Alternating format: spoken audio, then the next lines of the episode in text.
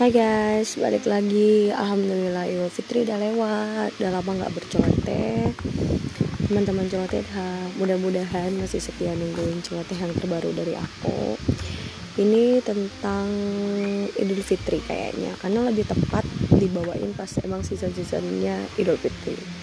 Tiap orang pasti merayakan uh, Idul Fitri dengan cara yang berbeda-beda Nah, gue akan berceloteh tentang kebiasaan Idul Fitri di keluarga gue. Itu salah satunya ada ada beberapa makanan dan minuman wajib ya nggak sih?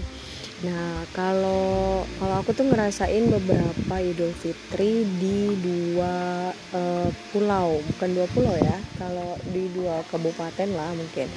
Jadi aku dulu sempat waktu zaman kecil itu umur aku dari mulai dari mulai aku lahir sampai teenager sekitar umur 18 tahun aku masih mengalami lebaran di Pulau Sumatera tepatnya di kalau di Kepulauan Riau nya aku tinggal di Tanjung Balai Karimun. Terus sempat pindah juga ke Dumai. Kalau di sana kebiasaan makanan tuh lengkap banget karena kebetulan orang tua tuh uh, uh, boleh dibilang tokoh agama jadi banyak banget yang pasti bakalan main ke rumah. Jadi ibu aku tuh biasanya memprepare buat lebaran itu sangat-sangat lengkap biasanya dari mulai sate, opor, rendang, ketupat plastik, uh, terus uh, berbagai macam makanan ringan kayak bolu, terus ada makan cookies cookies ya nastar, putih salju, kue sagu, kue keju, uh, cookies keju atau yang pastel, terus makanan lainnya lah kayak kacang dan itu tuh pasti harus ada. Dan bahkan minuman kaleng kalau di sana tuh lebih terkenal minuman kaleng.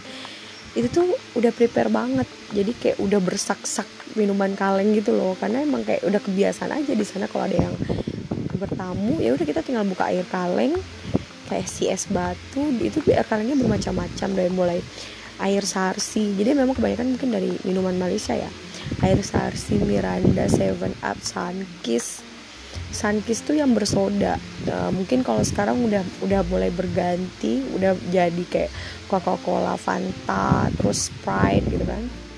Dan ada beberapa minuman sunta minuman kaleng dan itu kayak teh kundur terus air cincau sarang burung walet uh, teh kristan bunga kristan gitu. Itu tuh harus ada dan itu tuh biasa kita udah prepare berapa sak gitu di rumah buat nyambut lebaran. Mungkin kalian yang tinggal di Tanjung Balai Karimun atau beberapa kepulauan atau di Sumatera mungkin ya apakah memprepare hal yang sama sampai sekarang? Itu kayaknya dulu udah ber, um, udah zaman aku umur 15 tahun ke bawah kayaknya. Udah lama banget gitu.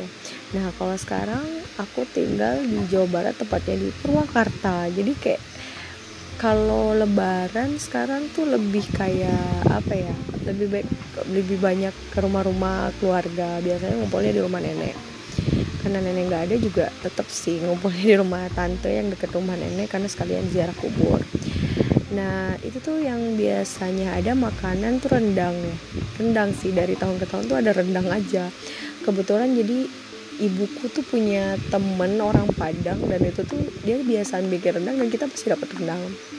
Dan rendangnya ya rendang Padang Jadi bukan rendangnya abal-abal Terus pasti ada ketupat lah ya Dan ibuku tuh suka bikin yang berkuah Entah itu sop atau soto itu pasti ada jadi biasanya soto kalau sekarang sop ayam. Jadi sop ayam kampung kalau kemarin ada soto ayam gitu kan. Terus ada minuman wajib banget nih dari zaman aku di Riau sampai sekarang yaitu minuman es mentimun. Jadi itu es mentimun itu kayak legendaris gitu di rumah. Jadi ibu tuh kalau buat nyambut tamu atau buat kita minum sehari-hari tuh pasti ada es timun tuh timun yang diserut dikasih selasih uh, terus disiram dengan air melon. Itu tuh enak banget guys seger dan bahkan itu bisa meredakan uh, panas dalam. Karena timun itu juga minuman berasiat. Terus kita sajikan dengan sirup melon uh, itu bisa pilih lah dari beberapa sirup merek-merek apa. Tapi emang keluarga gue biasa godain marjan ya tanpa endorse ya. Mudah-mudahan kalau PT Marjan gak denger gue di endorse. Ya uh, biasanya sirup melon marjan gak tau sih. Keluarga gue kayak khas aja rasa melonnya. Terus kita sajikannya tuh kayak biasa eh, timun yang udah diserut kita masukin ke sirup lem sirup melon.